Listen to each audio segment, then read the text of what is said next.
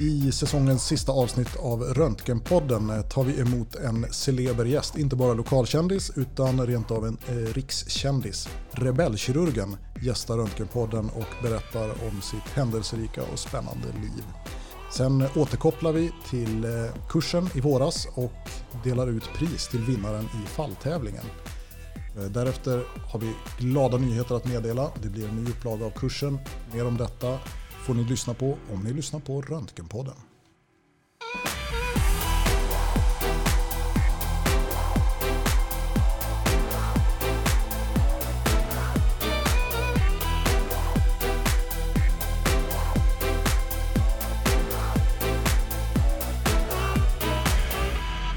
Hej på dig Per! Hej Jörgen! Hej! Härligt att se dig igen. Ja, detsamma och eh, nu känns det som att vi har poddat med en sån frekvens att vi inte behöver be om ursäkt för att det var länge sedan sist. Nej, det brukar vi alltid börja med, men det behöver inte du. Det är ju nästan så att vi eh, håller på att bli utbrända här av allt poddande. Ja, det, det är en risk vi får ta hänsyn till. Ja, precis. Men ja, när, när var det vi poddade sist? Jag minns inte riktigt. Första april hade vi ett avsnitt, men sen hade vi ett till därefter där vi avslöjade att vi hade ett aprilskämt på första april. Ja, det är nästan månadsvis nu.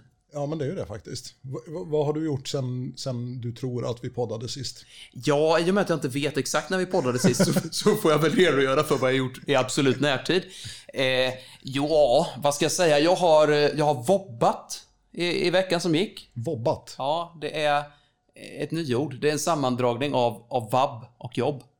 Jaha. Om du tänker att det till exempel pågår en pandemi som gör att barn som är förhållandevis friska men snoriga är inte välkomna på förskolan. Okej, ja. Då får man kombinera MR Prostata på kontoret med Nicke Nyfiken i vardagsrummet och springa fram och tillbaka bäst man kan. Okej. En utmaning. Ja, det låter som en utmaning. Vad, vad har du själv gjort? Eh, inget som slår det tror jag faktiskt. Nicke Nyfiken och MR Prostata, det var en spännande kombo. Ja, den, den är nydanande. Eh, den slår jag inte riktigt. Nej, nej men eh, jag har ju faktiskt haft eh, lite ledigt eh, i några veckor. Eh, Min bättre hälft har fyllt 40 år så vi har firat henne. Eh, Träffat lite släkt och så har jag eh, inte vobbat men jobbat lite grann faktiskt. Jobbet, som man säger på Gotland. Eh, till och med jobbet på Gotland. Så, att, eh, Så pass, ja, så pass. Men eh, nyligen hemkommen därifrån och eh, ser väl fram emot att det ska bli lite ledigt här framöver snart. Ehm, Men eh, vi har ju ett spännande avsnitt eh, att se fram emot, eller hur? Det har vi. Ett, eh, ett specialavsnitt, får vi ja, säga. Ja. Eh, Vi, vi säger inte så mycket mer än så. Vi kör igång, eller hur? Det tycker jag. Jaha Per, vi eh, har ett uppdrag som har blivit hängande lite i luften. Vet du vad jag tänker på då? Jag gissar att du tänker på tävlingen på Collective Minds från, från kursen. Ja, precis. Vi avslutade ju kursen med att eh, annonsera en falltävling där alla deltagare kunde vara med och eh, de fick då möjlighet att skicka in fall.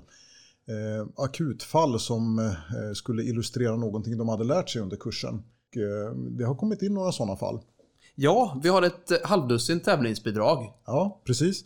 Vi hade väl egentligen ursprungligen tänkt att vi skulle erbjuda lyssnarna möjlighet att rösta på de här fallen för att eh, utse en vinnare. Men det visade sig att det blev lite krångligt eh, rent eh, tekniskt och praktiskt. Så att eh, vi har tagit ett exekutivt beslut att vi, vi utser helt enkelt en, en vinnare utifrån vad, eh, vad vi tycker bäst uppfyller kriterierna, eller hur? Så är det, och juryns beslut kan inte överklagas som det så fint brukar heta. Nej, precis. Och eh, vi kan påminna om vad, vad priset i tävlingen var också, eller hur? Det kan vi göra. Priset var ju en iPad som Collective Minds bidrar med. Ja, väldigt generöst av dem. Så det var ju eh, inga, eh, ingen dålig insats i den här tävlingen. Nej. Eh, och vi har tänkt att vi ska ringa upp vinnaren nu då. Vi får väl hoppas att den här personen svarar då, för att det har vi inte kollat faktiskt. Utan vi gör ett försök att ringa upp nu.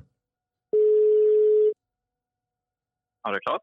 Ja, hej Claes. Jörgen Strömberg på Röntgenpodden här. Och Per Hintze Ja, hej, på samma ja. podd. Hej! Hej, hallå Per. Hej. Hej, hej. Hur är det med dig? Jo, det är bra. Ja, Det är bra, jag har semester. ja vad härligt. Ja, vi var oroliga Ja. att du kanske skulle ha jour eller någonting. Ja, nej. Det var, hade jag inte. Nej, men vad härligt. Vi ville, nej, men vi ville gärna ringa till dig och berätta att du eh, har blivit eh, utvald som vinnare i falltävlingen efter eh, kursen i akutradiologi. Oj. Ja, vad kul. Ja, det var kul. Det var, Ja. du, du hade ju lämnat in ett fall med en järnabbkäst där som vi tyckte var, det. var eh, väldigt bra. Ja, exakt. Ja. Och, och poddlyssnarna och i alla fall kursdeltagarna kommer ju kunna se de här fallen på Collective Minds. Men Ja. du, du får gärna berätta lite själv vad, vad fallet handlar om. Just det. Ehm, nu ska vi se, jag är på semester så jag ska bara starta upp hjärnan lite. Eh, om, om jag minns rätt så hade jag, det var ju min ehm, andra vecka på, som på MR, eh, som MR-placering som jag liksom, ja, man, jag vet inte hur det är på andra ställen men hos oss är det ofta så att vi, vi börjar med hjärnor för det, är- ja, det är liksom lite likt på något sätt. Mm. Så jag plockade upp en, en undersökning som, och utan att läsa på någonting, jag brukar liksom bara titta. Och sen så var det någonting på den som jag tyckte var väldigt spännande. Eh, det var ju, ska jag berätta om patienten förresten? Ja, absolut. Gör gärna det. att veta lite. Ja. Ja. Om jag minns rätt nu, det var en man med någon metastaserad cancer, testikelcancer tror jag det var, eh, som hade sökt var det huvudvärk tror jag och hög, han hade feber och höga infektionsparametrar. Mm. Och så sökte han CT och så såg man någonting, ödem eller ru- någon rundad förändring till vänster tror jag någonstans. Ja, just det. Med, med, Coronaradiata, ja. precis. Ja, för du hade ju laddat upp både CT-bilderna och MR. Men, Ja, men CT var redan gjord då när du, när du Ja, fick eh, ögonen på Ja, fallet. Så så den- säga. så den, den fanns ju redan. Den hade jag inte kollat på, men, men jag kollade på den då såklart. Mm. Ehm, och man hade ju hög misstanke om hjärnabscess. Men man tänkte att det skulle ju faktiskt kunna vara en, en metastas också Ja, precis. från hans eh, grundsjukdom.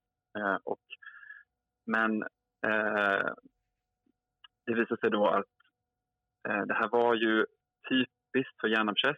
Det var kontrastuppladdande, eh, man, en, en kontrastuppladdande ring Ja. eh, liksom runt den här förändringen som var ganska tunn och liksom jämn.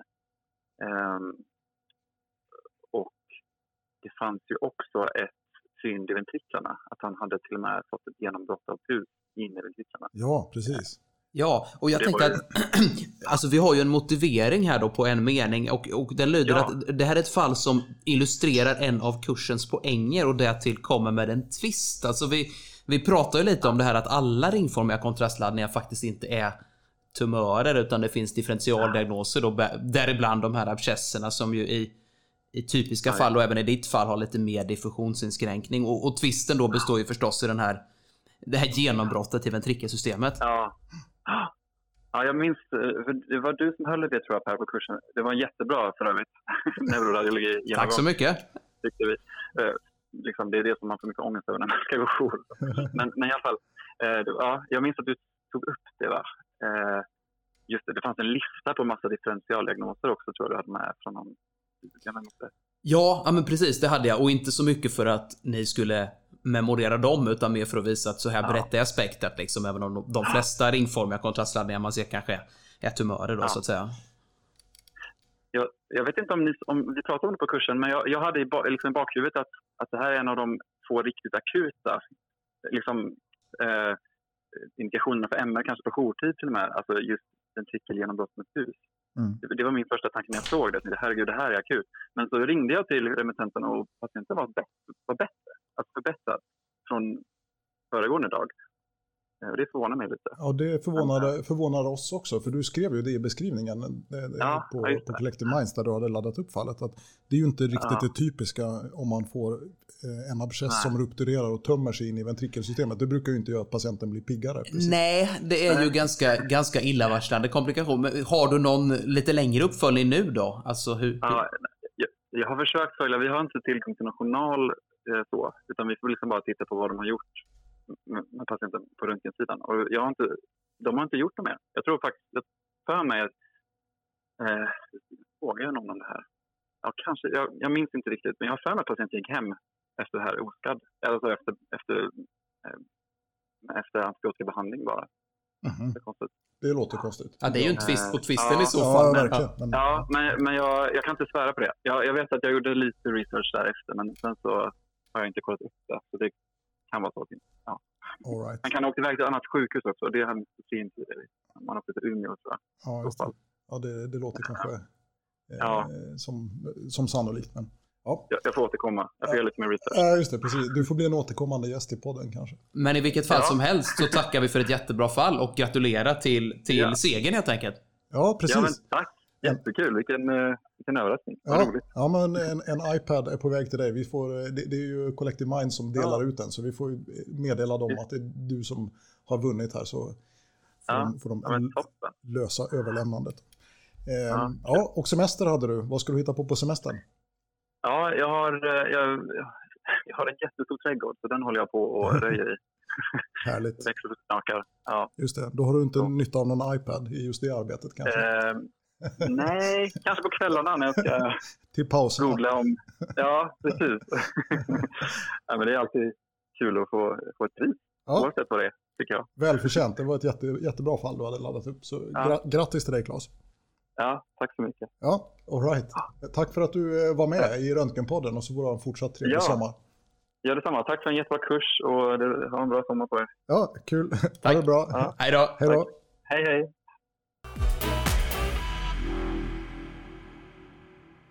Ja, men vad kul Per att få prata lite med en av kursdeltagarna. Det var lite så här kärt återseende fast vi aldrig träffades på riktigt faktiskt. Ja, och det är ju en trevlig prick så att det var... Det kändes bra att ringa och berätta att han får en, en iPad hemskickad. Det, Ja, ja verkligen. det ger mer smak. Ja, och ett, ett bra fall också som, som var uppladdat. Då.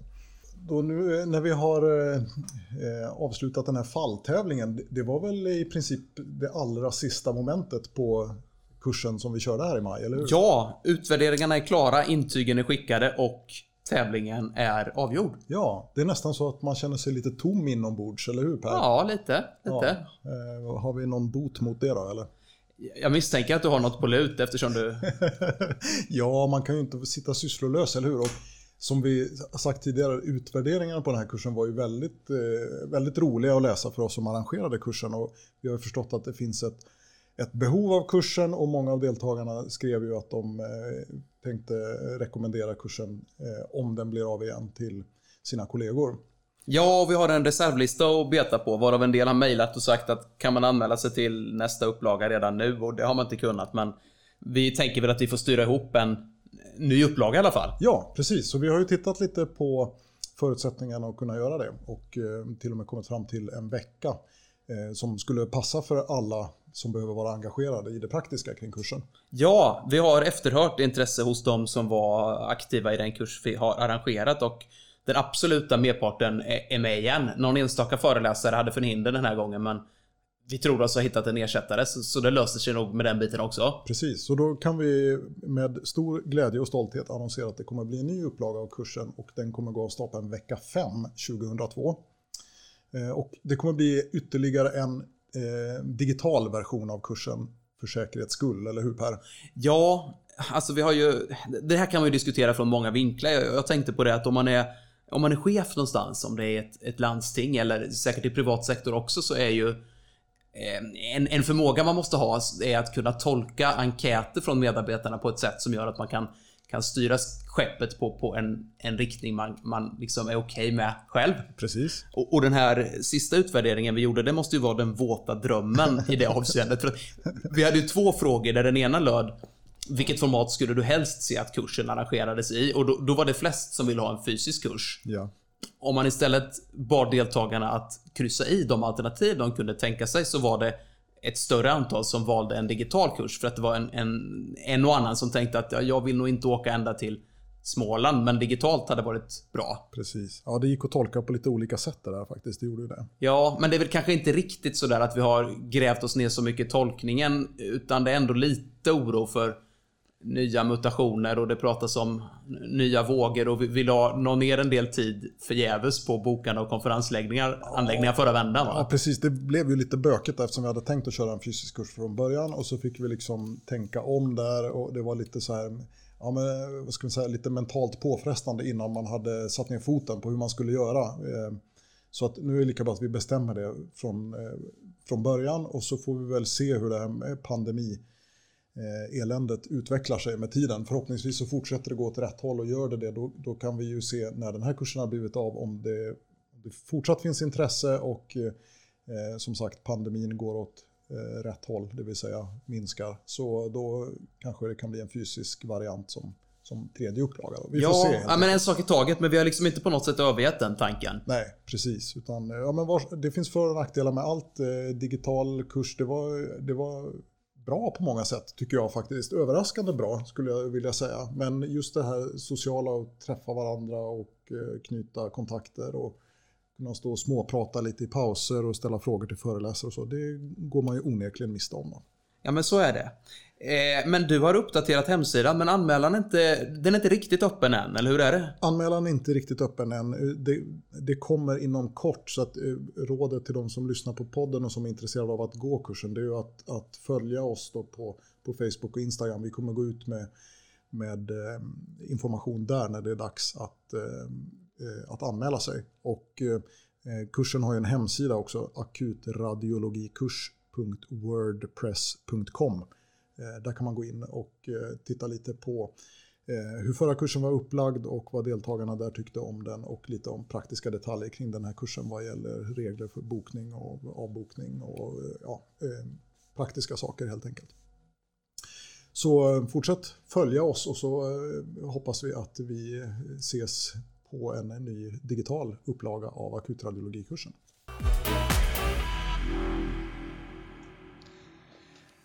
Okej, då har vi eh, äran att ha med en gäst, eh, ingen mindre än Erik Eriksen, även känd som Rebellkirurgen. Välkommen till Röntgenpodden, Erik. Tack, tack så mycket. Ja, härligt. Välkommen igen, får vi säga, Erik. För du, du... Precis, välkommen igen. Det är så här, vi får förklara för lyssnarna att vi, vi, vi träffade per, eller förlåt, Erik eh, för, eh, ja, blir det, eh, tio dagar sedan, två veckor sedan kanske. Eh, och hade ett jättetrevligt samtal och det blev skitbra och så glad i hågen skulle jag klippa ihop det och då visade det sig tyvärr att det var tekniskt strul så det var jättedåligt ljud. Eh, jag försökte rädda det där men det gick inte så nu, har vi, nu har jag ringt och pratat med Erik och han har varit vänlig nog att ställa upp för en omintervju. Eh, men den har vi fått ta då på telefon för att vi är inte på samma plats i, i landet. Så att därför så är Erik och Per med på telefon här. Så, men det var jättesnällt att du ville ställa upp igen då, e- Erik. Det är bara ett nöje. Ja, vad kul. Var är du någonstans just nu? Jag är i, um, uh, uppe i när Norrtälje. I, uh, Okej. Okay. Faktiskt något vilohem för trötta missionärer. Känns det som att du är på rätt plats i livet? Nej. Inte riktigt. Men, ja. Okej. Okay. Nej, men när vi, när vi träffades sist då, vi, vi började ju, du har en väldigt fascinerande livshistoria Erik, och eh, jag har läst din bok, Rebellkirurgen, som vi kanske kommer att komma in på mer här. Och så tänkte jag inför den här intervjun att jag får försöka få någon struktur på det, så jag satte mig och skrev en, en tidslinje över vart, vart du har varit och när. Och det blev, en, det blev en spännande tidslinje, för det är dels så här lite, lite svenska orter och sen är det orter som man aldrig har hört talas om namnen på. Eh, men om vi ska börja från början, så du är ju eh, uppvuxen i Danmark och läste medicin i eh, Köpenhamn, ja. eller hur? Ja, så var det ja. ja. Och när, när blev du färdig med dina studier? Ja, det var 1974. 1974?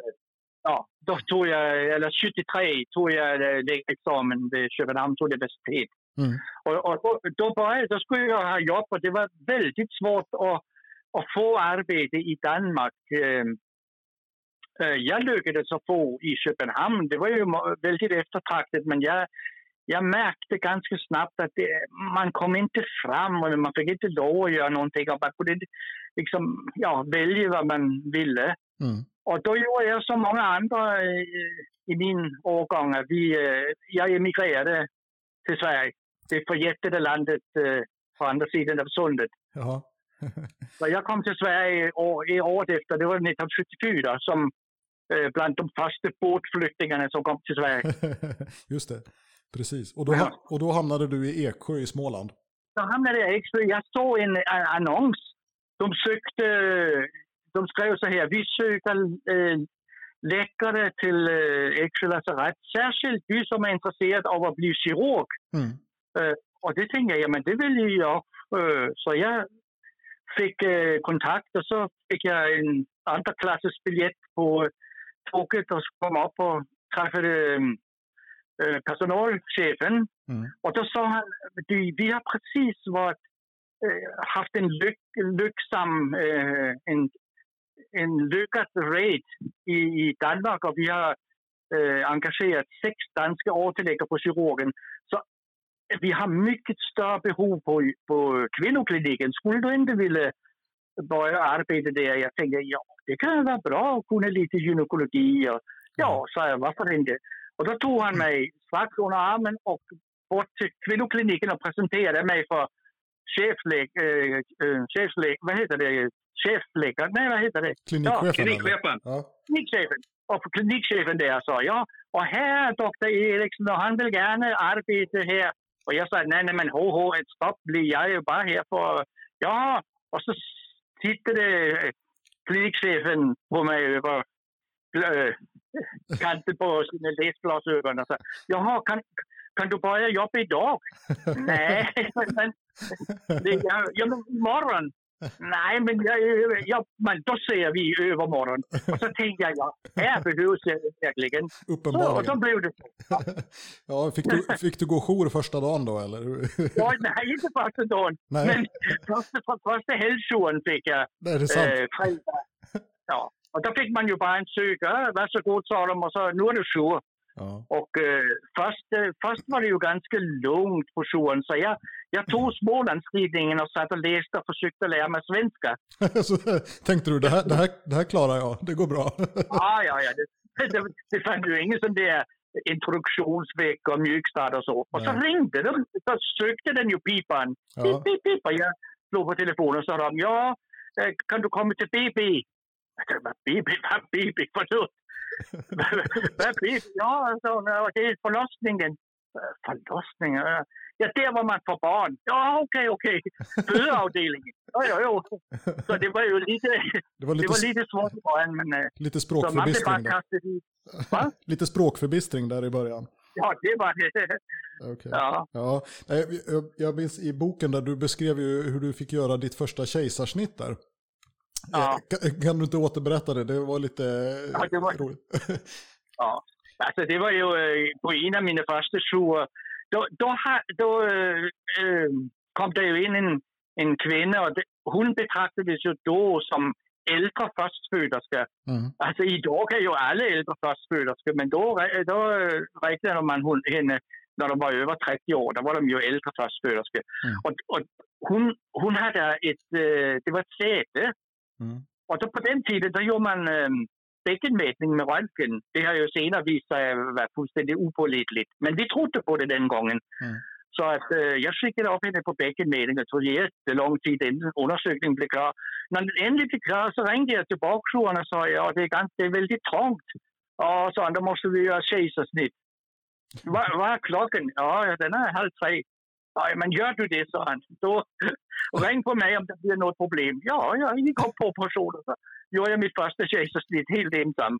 Jaha. Men jag hade ju sett, jag hade ju sett hur, man, eh, hur man gör. Jag har ju assisterat. Så, Ja. men eh, ändå, alltså idag kan man ju inte fatta att man kan ju inte fatta att, att, man- att man tillät det och man kan ju inte fatta heller att jag vågade. Nej, precis. Nej. Men Erik, från den då um, lite trygga miljön i Köpenhamn till Ja. det här du berättar om i Eksjö. Men, men ändå så tyckte du inte att du stod, att du stod tillräckligt djupt ner i vattnet. Utan du, du hittade ytterligare en nivå så att säga av, av ensamhet då, genom att åka till, till Afrika, inte sant? Ja, det var ju så att eh, när jag, det, på Eksjö lasarett, precis när jag hade kommit, då började min fru, eh, alltså min, min eh, nuvarande fru, hon kom eh, också och arbetade, hon hade sommarjobb på sjukhuset där. Vi började samtidigt. Mm. Och eh, hon är ju från Etiopien. Så Just att, eh, jag tröstade henne och då tänkte jag, ja, eh, det är första gången jag har träffat en kvinna jag kunde tänka mig att dela resten av livet med. Mm. Liksom vakna varje morgon och titta på. Så jag sa, det är bättre att jag slår till nu. Så jag har, nu när jag har goda kort på handen. Så jag friade på måndagen och så gifte vi oss på onsdagen. Ja. Så, och sen skulle hon ju presentera mig för släkten. Och många, många befann sig i, i Etiopiens huvudstad Addis Abeba. ja. Så vi åkte, åkte ner och jag blev då presenterad för familjen. Och vi hälsade också på en, en eh, svensk eh, läkare som var ansvarig för missionens eh, sjukvårdsuppdrag uppdrag i Etiopien. Okej. De hade då flera sjukhus på den tiden. Och, och då saknade de en, en kirurg på ett litet sjukhus långt upp i norra delen. Och då hade han fått för sig att jag var kirurg sen nej, min fru hade ju nämnt för honom att jag, jag hade, att jag hade börjat kirurgutbildning. Jag hade gått ett år av ST-utbildningen. Ja. Och så sa han, ja men vi behöver en kirurg där. Skulle du inte vilja åka dit och hjälpa till? Ja, jag tyckte det lät spännande. Men sen fick jag lite kallfötter. Jag tänkte, har han nu fattat att jag är inte kirurg? Jag har bara ett års ST-utbildning. Och uh, det gick inte att ringa för telefonen fungerade inte. Så vi åkte hem till honom ja. och så sa jag, men du, du vet väl att jag, jag, är, jag, är bara, jag har bara ett års ST-utbildning. Ja, ja, så, men kan du öppna en byk? Ja, det kan jag. Men och kan du stänga den igen? Ja, ja, ja, men då räcker det. Då, då blev jag, då blev jag utsänd av missionen som kirurg på det här lilla sjukhuset ja. uppe i norra delen, i. Ja. Just det. Så det var... det var mer en slump? Du, du åkte inte till Etiopien med ja, tanken? Jag, jag gled in på ett bananskal där, ja. Mm. Ja, ja, ja. Ja. Just det. Och, och, vilket år var detta då som du kom iväg till? Det, det måste ha varit 70, 76. Ja. Okej, okay. Just det. Och ja. på sjukhuset när du, när du arbetade där, då var du, eh, du var ensam läkare, inte sant? Helt ensam läkare, ja. Så jag var både kirurg och medicin och barnläkare och allt möjligt. Och så reparerade jag instrument och utrustning och allting. Ja. Det var ju helt eh, sanslöst egentligen. Och sen eh, det var, det var ju bara jag och min fru, som jag brukar säga. Vi var de inte vita där. Min fru var ju inte vit. Men vi var de, de enda utlänningar. Långt upp isolerat. Vi, vi hade ju ingen möjlighet. Det fanns ingen radio eller något sånt. Telefon fungerade sporadiskt. Ja. Och så, så var det ju... Det krigades ju där uppe mellan eh, TPLF, alltså till, de ville befria landet från diktatorn Mengistu. Mm. Så, så de slog ju där. Och det, fronten kom ju närmare och närmare med snabba steg. Och plötsligt så hade vi fronten bara två timmar från sjukhuset. Ja. Och där satt jag och, som helt ensam och hade ingen kontakt med omvärlden. Uh, det, var ju, det var ju, jag trodde det, att det skulle vara så, men, men uh, det var ju inte riktigt. Jag, idag fattar jag inte att missionen tillät att, att ha oss det. Vi var ganska utsatta. Ja, det är, verkligen. Och, men då befann, ja. då befann du dig där ensam läkare på sjukhuset eh, och ja. lite krig i närheten. Och, och var, ja. Eh, hur, hur stort var sjukhuset? Hur många, hur många sängplatser hade omkring 100, 100 sängplatser. 100 och jag var helt, helt ensam läkare och så hade jag en utbildad sjuksköterska min fru hade ingen sjukvårdsutbildning på den tiden. Mm. Så det var en läkare, en sjuksköterska och så resten det var det man kallade dressar. De hade ingen riktig utbildning. De var som en slags biträde, sjukvårdsbiträde. Ja. Men, äh, men mm. jag, var, jag var den enda som så att säga, ställde upp och opererade när det behövdes. Det fanns ingen andra Nej. i hela, hela provinsen på flera miljoner människor. Så att folk, folk kom långvägs ifrån till sjukhuset för att bli opererade. Mm. Inte för att jag var ett stort namn, men det var ju amerikanska missionärer som hade, som hade styrt och ställt på sjukhuset innan. Mm. Och de, alltså, så de hade både ortoped och kirurg och äh, amerikanska sjuksköterskor och ett helt gäng missionärer. Men de blev plötsligt politiskt äh, oönskade. Når, når, når kommunister, de blev Moskva-trogne kommunister och då fick amerikanerna de fick 24 eh, timmar på sig att lämna landet. Okay. Så att, men då hade de ju alltså, folk hade ju äh, lärt sig att, att där, där kan man åka och, och bli opererad. Så det hade ju gott rykte äh, om sig, sjukhuset. Inte på grund av mig, men på grund av att de amerikanska missionärerna som hade befunnit sig innan. Precis, men då fick du axla det ryktet och ansvaret? Jag fick axla det, ja. ja. ja. Och, alltså, om jag ska vara sportjournalisten i sammanhanget, hur kändes det då? Där står du som ST-läkare med ett års erfarenhet och alla andra har åkt hem. Alltså, jag tillhör ju den här generationen äh, män som inte gråter. Annat än om man förlorar i fotboll möjligen.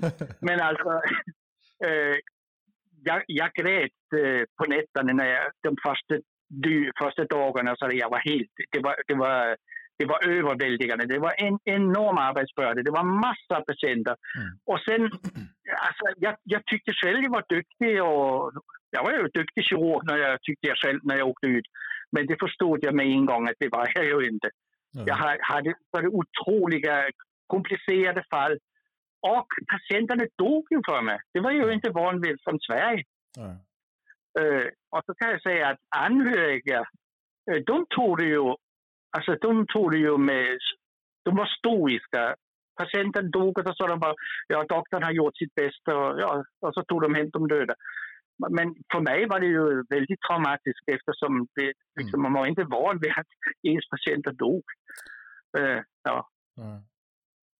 Men jag lärde mig ju väldigt mycket på väldigt kort tid. Ja. ja, det förstår jag. Men jag har ändå lite svårt att greppa det här. Du är ensam läkare och så är det hundra vårdplatser och så kommer det säkert ja. nya patienter också. Men alltså de här, alla de här inneliggande patienterna, var alla de liksom i behov av operationer eller, eller postoperativa? Nej, det var ju liksom, mycket var... blandat.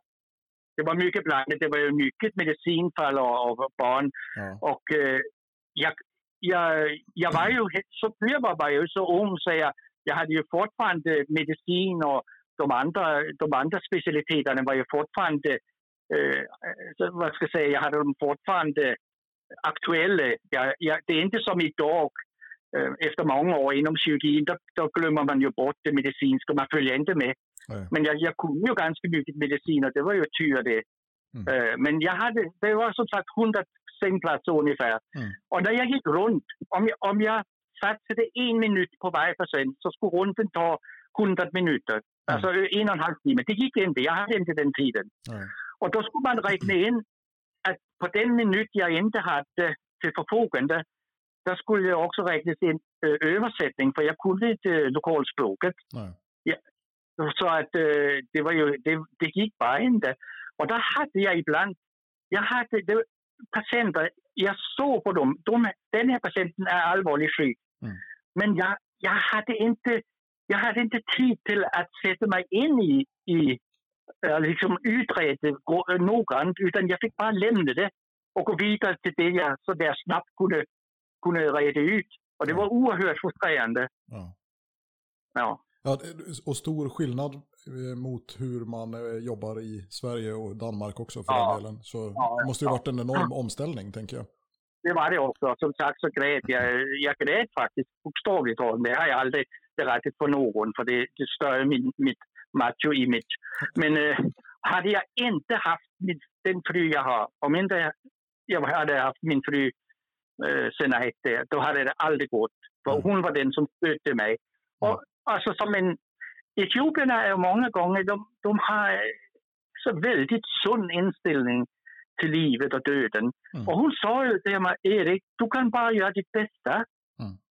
Uh, så, uh, så det, det räcker. Gör ditt bästa, det räcker.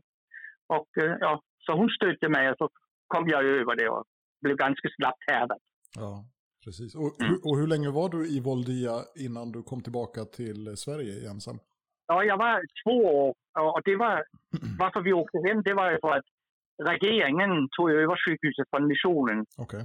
Och först tänkte jag att det spelar ingen roll, patienterna är ju detsamma. Så jag var beredd att arbeta mm. vidare på sjukhuset. Men snart så insåg jag att det, det gick inte, för det, det blev så... Alltså regeringen hade ju en helt... Regeringssjukhus har ju en helt annan inställning än, än missionssjukhuset. Så, där. Det var, så, så där insåg jag, nej, det, jag kunde inte arbeta där. Och då försökte jag att komma in på kirurgutbildningen som de precis hade börjat med i, i Etiopien mm. øh, på Black Lion äh, universitetssjukhus. Mm. Där, där började de att utbilda sina egna kirurger. Förut så fick de ju åka utomlands för att få äh, specialitet i kirurgi. Och så tänkte jag att det, är en, det är en bra chans jag har här. Men universitetet ville inte ha andra än sina egna. Äh, de ville inte. Så att jag fick åka hem och göra mig färdig. Men det var, jag hade, då hade jag liksom blivit fången. Jag, jag var så fascinerad och jag trivdes jättebra. Mm. Så jag tänkte jag ska bara göra mig färdig snabbt som möjligt och så ska jag ut igen. Och det blev ju också så. Ja, just det. Men, nu... Men sen åkte du hem och då, då kom du tillbaka till en tillvaro som i alla fall på pappret och junior ST-läkare. Fast du hade gjort alla de här operationerna. Det måste ja. ha blivit en kulturkrock igen då? Ja, alltså generellt sett så är det alltid så när man, att kulturchocken är alltid större när man vänder, återvänder hem än när man åker ut. Mm.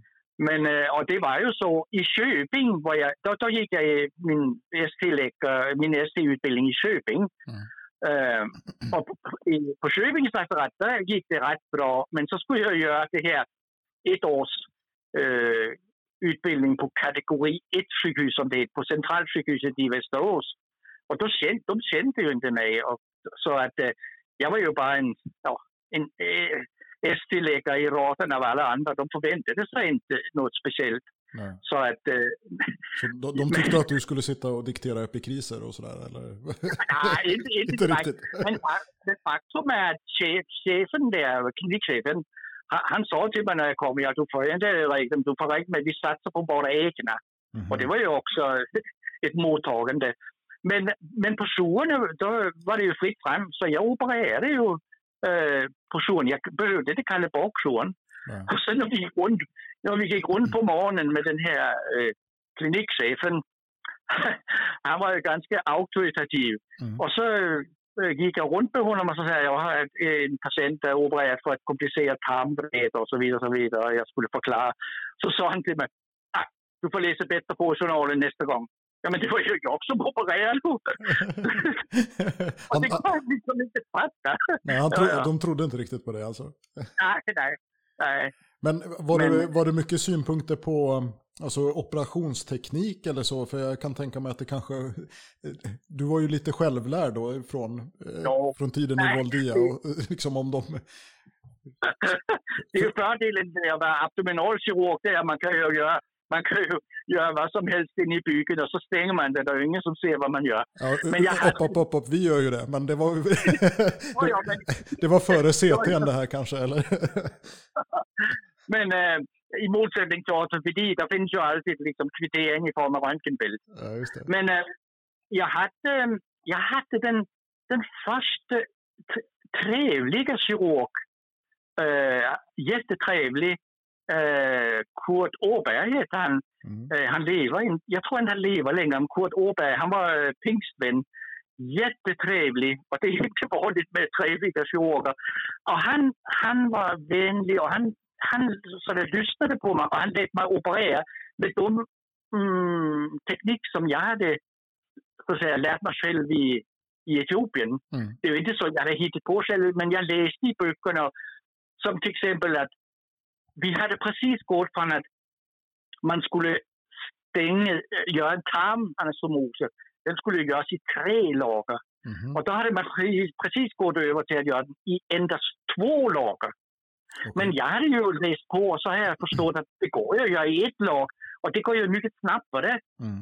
Alltså, jag var ju hela tiden under tidspress i Etiopien när jag opererade. Ja. Så jag, försökte, jag var ju tvungen hela tiden att försöka att ta bort allt onödigt och bara göra det som var precis nödvändigt. Ja. Och då kom jag på att man kunde sy anastomosen i ett lag och så gjorde jag det med fortlöpande sutur. Och det var heller inte vanligt.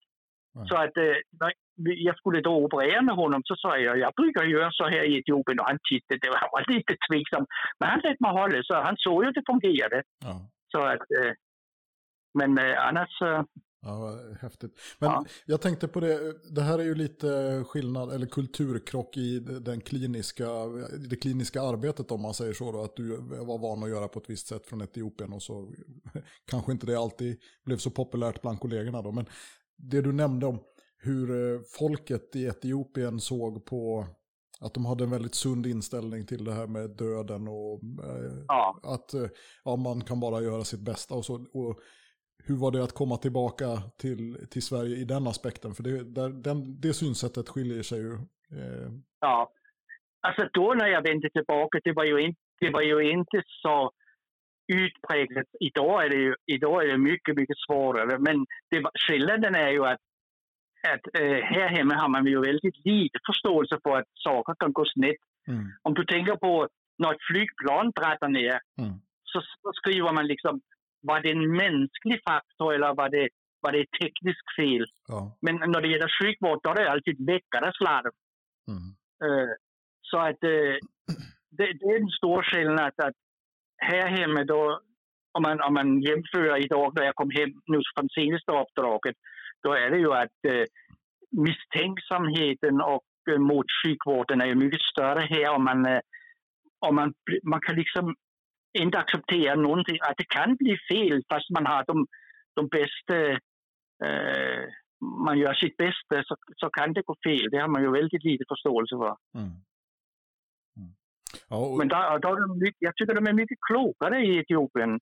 För att eh, de accepterar det går snett. Och sen är det ju så att har du en, en patient som, alltså det är ju utsiktslöst, det är eh, metastaserade cancer, det finns ingen behandling. Då säger man till patienterna det här, det, det är hopplöst, vi, har, vi kan inte erbjuda någon behandling. Mm. Det är bättre att åka hem och dö. Och det, det är de glada för att få det beskedet, för då kan de åka hem.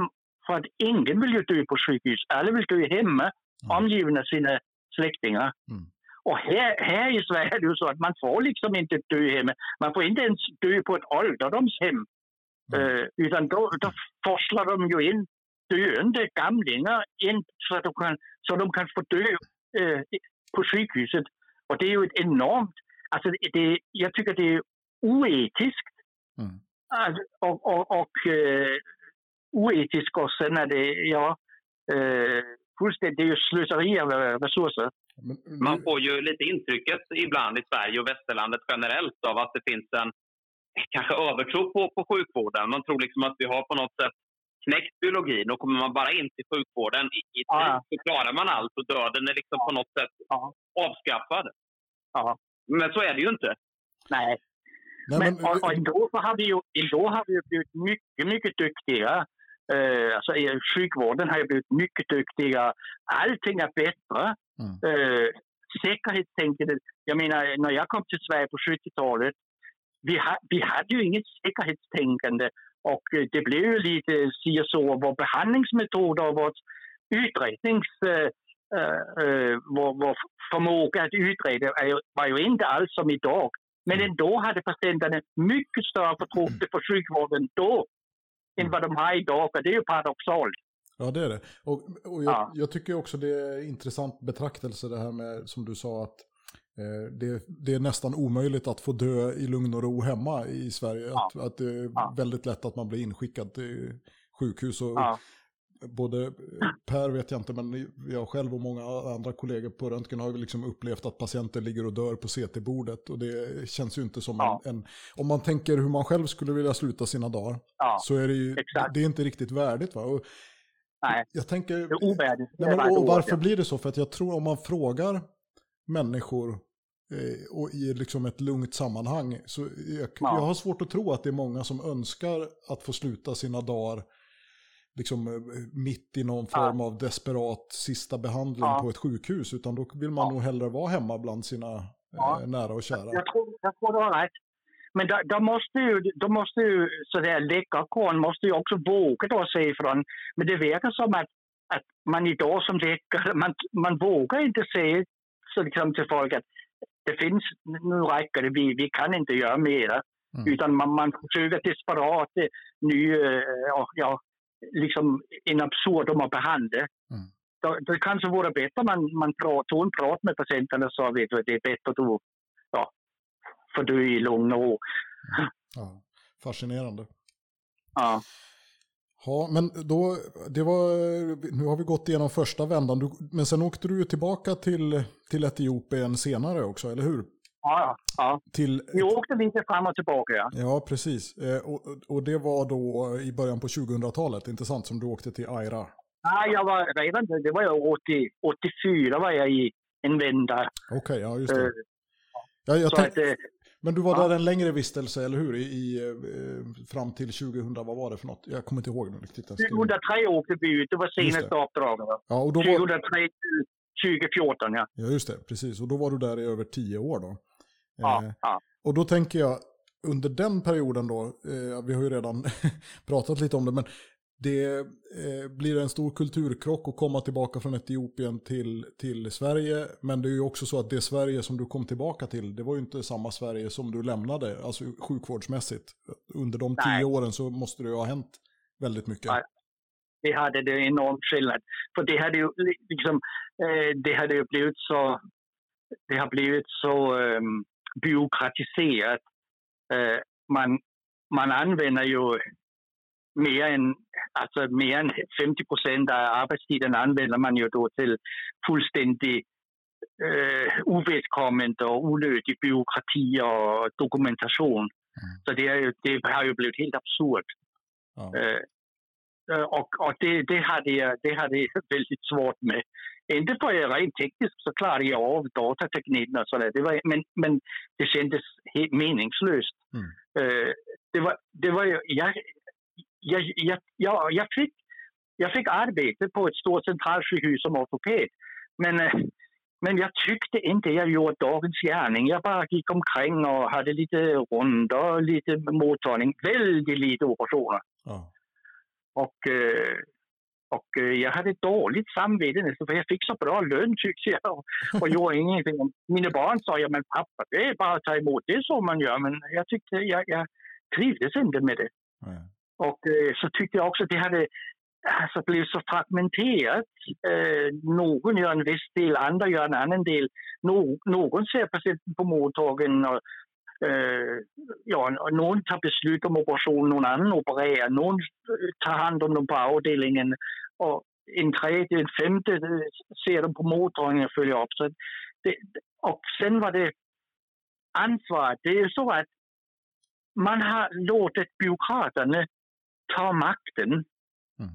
Uh, och med makt, då brukar ju följa ansvar. Men byråkraterna, de tar bara makten, de tar inte ansvar. Mm. Det har vi ju sett många exempel på. Och då har jag, det är min egen teori här, då, då, då, då tror jag att vi som arbetar, arbetar inom sjukvården, läkare, mediciner och andra professionella, de känner så här, ja, jag har ingen makt, jag har inget ansvar heller. Och då liksom har de gett, så, så det är ingen som tar ansvar tycker jag. Mm. Uh, ta det här med sängplatser, jag. man har skurit ner sängplatserna så det finns ingen buffert. När jag var ung och jag gick på akutmottagningen och, och jag var lite tveksam då fanns det alltid möjlighet att lägga in patienten och så kunde baksuren titta på dem nästa dag. Mm. Den möjligheten finns inte idag. Och de här unga läkare som står i frontlinjen, de känner sig pressade att inte lägga in, för det finns ingen sängplats. Och ska de lägga in så får de själv äh, liksom gå och leta runt om, om det kan finnas en sängplats och ska, och ska tjafsa och bråka med, med koordinatorer mm. som som aldrig ser patienten eller anhöriga i ögonen. Utan de sitter skyttet där borta på sina eh, små kontor och expeditioner. Mm. Och, och, eh, och, beslutar om, om, om eh, sängplatser och det, och det är fruktansvärt tycker jag. Men Erik, man hör att du gör eh, skäl för, för ditt namn, nämligen rebellkirurgen. För i samma vända som du kom hem från Etiopien ungefär i alla fall, så kom ju den här filmen ut som gjorde det till något av en rikskändis, inte sant? ja, ja. ja det, var, det var lite oväntat. Uh, ja, jag, hade, jag fick så många förfrågningar uh, när jag arbetade i den i Etiopien. Det var många som gärna ville komma och hjälpa. Uh, och jag var så, fick så många konstiga förfrågningar så jag, när jag fick det här eh, den här dokumentärfilmen skrev och undrade om han fick komma och göra en dokumentärfilm så svarade jag på automatik nej. Jag vill inte ha någon springande där. Och då, när min dotter hörde det så sa hon, ja men pappa, du är ju helt tokig, det kan ju bli en rolig film. nej, nej, nej, nej. Men så slog hon ju till, hon, hon visste ju hur hon skulle dra, dra slipstenen. Men för barnbarnens skull pappa, så de har någon minnet. Ja, okay, okay. Då fick han ju komma. Ja. Så kom han och började att filma. Så fick jag ett brådskande meddelande från dottern. Men pappa, pappa, se upp. Det var han som satte dit Berlusconi han hade gjort filmen Videokrasi eh, och han avslöjade Berlusconi. Men då var det ju för sent, för då var han där redan. Ja, ja. men Erik, jag har ju med stort nöje sett den här dokumentären. Man kan inte ja. säga att han sätter dit sig, men jag får lite känslan av att den här dokumentärfilmaren, han vet hur man plockar ut godbitarna, alltså det här när du, när du skaffar utrustning på Biltema och använder ja, ja. cykellekrar i kirurgin och sånt ja, där som liksom ter sig helt absurt för den som verkar i svensk sjukvård. ja, han var, han var väldigt, eh, väldigt duktig och väldigt påläst. De hade gjort så att de hade filmet, eh, de hade frågat om de fick filma lite på eh, Eksjö lasarett, så där var de och liksom vänja sig vid operationssalen och, och eh, miljön, för de, de hade inte filmat på ett, en operationssal tidigare. Ja. Eh, och sen, eh, ja, han var duktig och han gjorde sitt jobb. För vet du att de, de, eh, han satte sig ner eh, och eh, hade en intervju på verandan. Vi satt med ett glas vin och hade trevligt och han intervjuade och det filmades. Och då, då frågade han mig, men du, här finns ju inget HSAN som det hette på den tiden, IVO. Där finns ingen IVO så att du kan ju göra lite hur som helst och experimentera med patienterna. Nej, tänkte så är det. Min, jag min fru håller ju öga på mig. Min kollega etiopisk och, ja, ja, intervjun gick bra efteråt och så satt vi och, och småpratade. Och så sa han sådär, när intervjun var över. Men Erik, ärligt talat, du kan, du, du kan ju experimentera, liksom göra vad du vill. Nej, jag gav ju samma svar och det var tur. För jag upptäckte att äh, äh, filmen, filmapparatet, det gick ju. Den var på. Ja. För så stod det en bakom. Så att han gjorde ju sitt jobb. Han försökte verkligen att, att sondera mm. om, om det fanns något där att, att hämta. Ja, just det. Han lyckades sänka Berlusconi, men det rådde han inte men på. Nej, inte rebellkirurgen. nej, men jag håller med. Det gäller ju bara att hålla sig till sanningen. Så, så, så enkelt är det. Ja. Vem vet, det hade kunnat bli en helt annan vinkel på den dokumentären om du hade svarat annorlunda på den frågan. Ja, exakt, exakt. Precis. Jag tyckte han gjorde en, det var, blev en bra film, ja. Ja. Men Erik, finns, finns den filmen fortfarande tillgänglig för de av våra lyssnare som inte har sett den? Ja, tyvärr har de ju tagit bort den från SVT. Men den finns, där finns, man kan se den på min hemsida som heter www.rebellkirurgen.se. Där, där går det att se den. Och, och, om, man har, om man har problem så kan man bara mejla mig så ska jag fixa det. Ja, men det var väldigt snällt. För att jag tror att, att många av våra lyssnare skulle tycka att den var lika bra som jag tyckte. Ja. Mm. Jag, jag, tänkte på, om vi ska börja avrunda lite. Det är ju rätt många eh, lyssnare som är lite yngre eh, på den här podden. Eh, och som kanske är i början av sin karriär och som jag, jag, tror att många kan känna igen sig i den här beskrivningen av, av svensk sjukvård som du, som du uttrycker ja. att man eh, liksom ibland är fast i administration och att man sitter och klickar och ringer en massa samtal och att det tar all tid men det är inte så mycket tid över till patienterna. Eh, har du något råd till våra yngre kollegor? Hur ska man hur ska man eh, ta sig an den situationen? Går det att ändra ja. på saker och ting? Alltså det går ju, det går ju men det, det är inte lätt. Eh, när 30 procent av alla nyblivna läkare överväger att byta yrke, mm. då är det ju något helt galet. Det är något som är fel.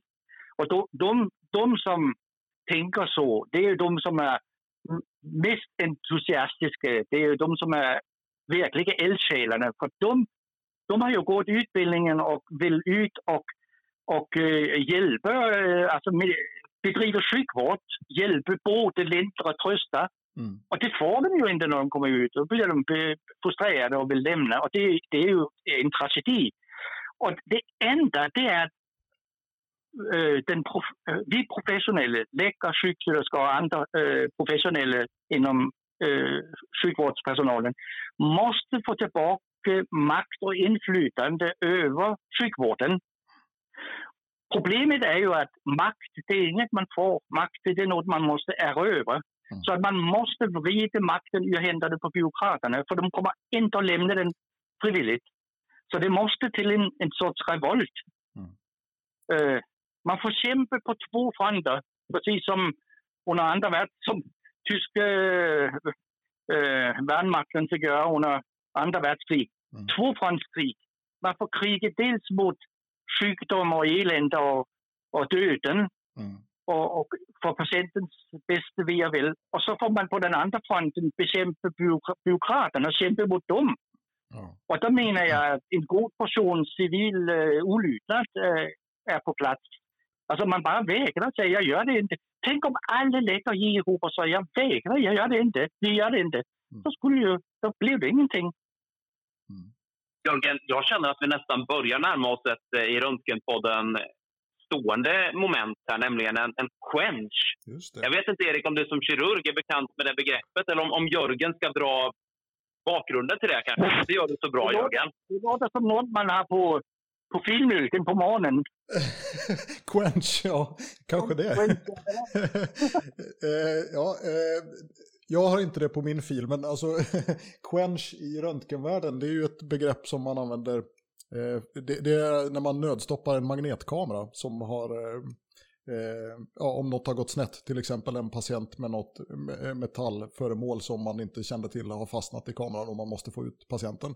Då kan man, då kan man quencha, det är en stor fet röd knapp i kontrollrummet som man trycker på och då, då pyser ut helium ur kameran och det gör att magnetfältet försvinner så att man kan rädda den som är skadad. Och då har vi i Röntgenpodden, då, då brukar vi quencha fenomen eller saker eller eh, personer eller någon, någon, som, som vi tycker har varit dåligt, som behöver nödstoppas, de quenchar vi. Så det var nog det du tänkte på Per, eller hur? Ja, ja men jag känner lite det. Att liksom, eh, vi borde ge rebellkirurgen här som har mycket konstruktivt att komma med chansen och, och, och aktivera den här röda knappen. Och låt vara då på avstånd och via telefonen. Ja, just det. Ja, nu har inte du knappen, men jag ska, ska jag quencha åt dig då, Erik, så får vi se om, om tekniken okay, ja. är med oss. Och det är alltså byråkratiseringen vi, vi quenchar nu? Så alla är överens om det? Ja, precis. Ja.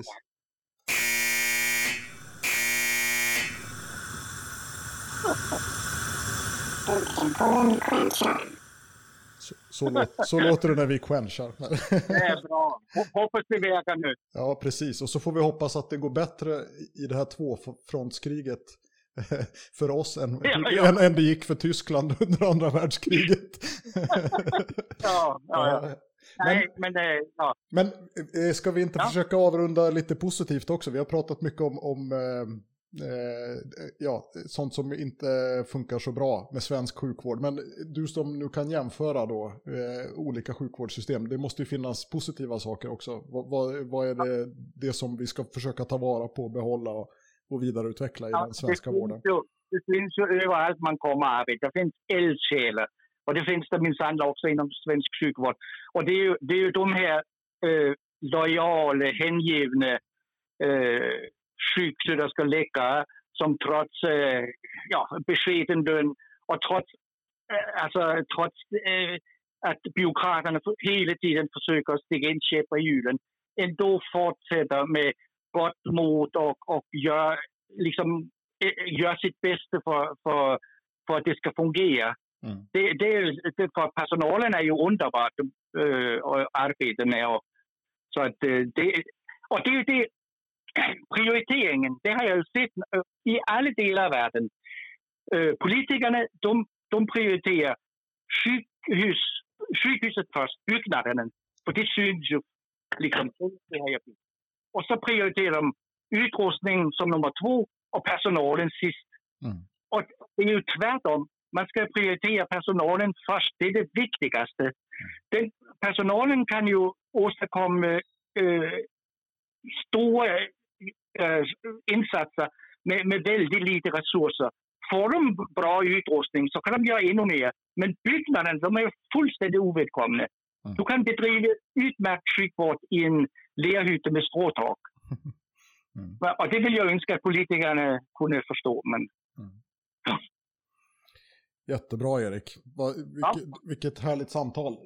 Stort tack. Ja, Stort tack för att du tog dig tid att upprepa ja, samtalet så här på telefon. Och, eh, det var ett nöje. Det är ett nöje. Alltid ett nöje att prata med är. Ja, eh, ska, ja. Vi, ska vi nämna för lyssnarna vad man, vi har redan pratat om din film och så har du skrivit en bok också, eller hur? Vad, vad heter, ja, det, ja. vad heter den boken för de som är intresserade? Ja, den heter Rebellkirurgen. Ja, så det är lätt att komma ihåg. det, är, det, är, det är precis som vilken vanlig bok som helst, det är bara att gå och köpa den i bokhandeln. Eller också finns den på nätet. Just det. Och så hade du en hemsida, rebellkirurgen.se, var det så? Ja, Jättebra. precis. Där kan man gå in och titta. Strålande. Hade, ja. hade du något mer du vill fråga, Per?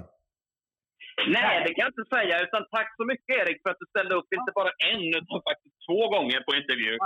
Ja, men det är väldigt nöje. Det är väldigt nöje. Ja, strålande. Tusen tack, Erik. Ja, ja tack för att du ville med. Ja. Tack till er. Ja, hej, hej. Hej.